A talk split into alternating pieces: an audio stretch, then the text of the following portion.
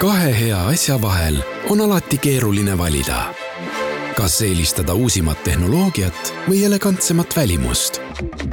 uue Toyota Camry täishübriid elektriautoga on valik lihtne. see on lipulaeva elegants, mugavus ja turvalisus. uus Camry Hybrid koos viimase põlvkonna Toyota Safety Sense ohutuspaketiga. Camry Executive on nüüd eriti hea tutvumispakkumisega. vaata lisa toyota.ee.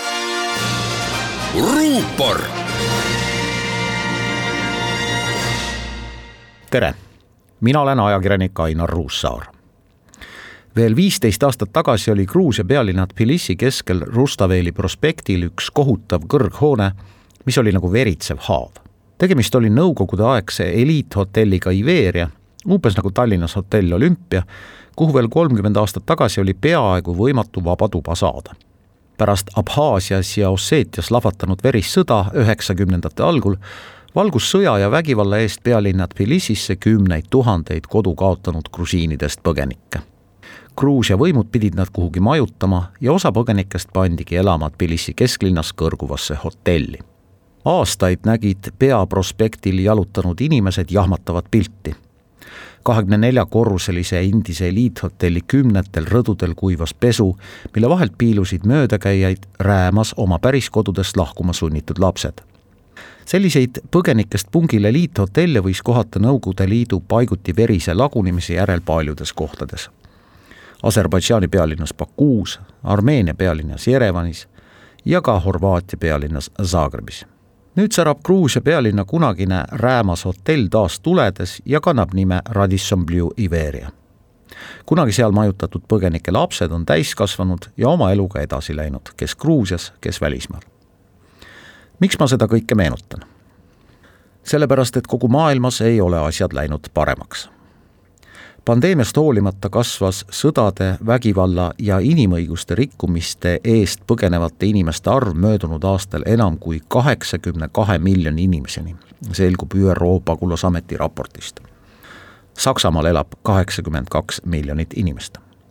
ehk siis eelmisel aastal pidi oma kodudest, oma kodumaalt lahkuma terve Saksamaa elanike jagu inimesi kaheksakümmend kaks miljonit kodutut, töötut ja haridusest eemale tõrjutud sissetulekuta inimest.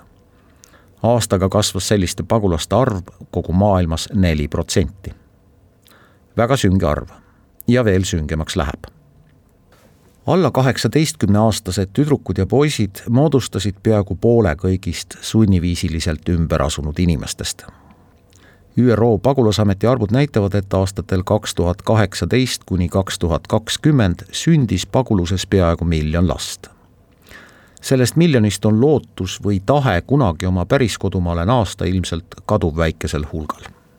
kõige rohkem valgus pagulasi teistesse riikidesse Palestiinast ja Venezuelast, aga ka Süüriast, Afganistanist, Birmast, Kolumbiast, Jeemenist, Etioopiast ja Sudaanist kogu inimkonnast moodustab sunniviisiliselt oma kodumaalt ja kodust põgenenud inimeste arv ühe protsendi. suurim pagulaste surve oli jätkuvalt Türgil, see riik peab toime tulema peaaegu nelja miljoni põgenikuga. rikas Saksamaa aitab ühte koma kahte miljonit pagulast. tõsiasi on ka see, et lisaks neile, kes jätavad oma kodud ja kodumaa sõja või tagakiusamise hirmus, on miljoneid neid, kes otsivad mujalt lihtsalt paremat kõhutäit või ilusamat elu lääneriikidel, Eestil nende hulgas, on koos pagulastega seljas mitu rasket lahendamist vajavat probleemi. esiteks muidugi see, kui palju neid tulevikus üleüldse riiki lasta. või kas üldse lasta. tõsi on ju see, et iga kuiva pagulasnumbri taga on siiski inimene, olgu tema nahavärv või usutunnistus milline tahes. teine suur küsimus on see, kuidas vastu võetud pagulasi aidata. toidupangast kuivikuid ja purgisuppi jagada on lihtne hilisemate töötute ja kuritegelike slummidega toimetulemine enam nii lihtne ei ole. igatahes on selge, et kui me võtame pagulasi vastu, siis on meie kohus neid mitte ainult aidata, vaid ka nendega tegeleda. teha kõik, et neist saaks meie maal korralikud ja edasipüüdlikud inimesed. inimesed, kes arvestavad selle maa ja rahvaga, kes neid vastu võttis kahjuks näitavad trendid, et sõjad, tagakiusamine ja nälg ei kao lähematel aastakümnetel maailmast kuhugi mis omakorda tähendab, et pagulaste hulk ei kahane, ja aasta pärast vaatame me otsa uutele süngetele numbritele.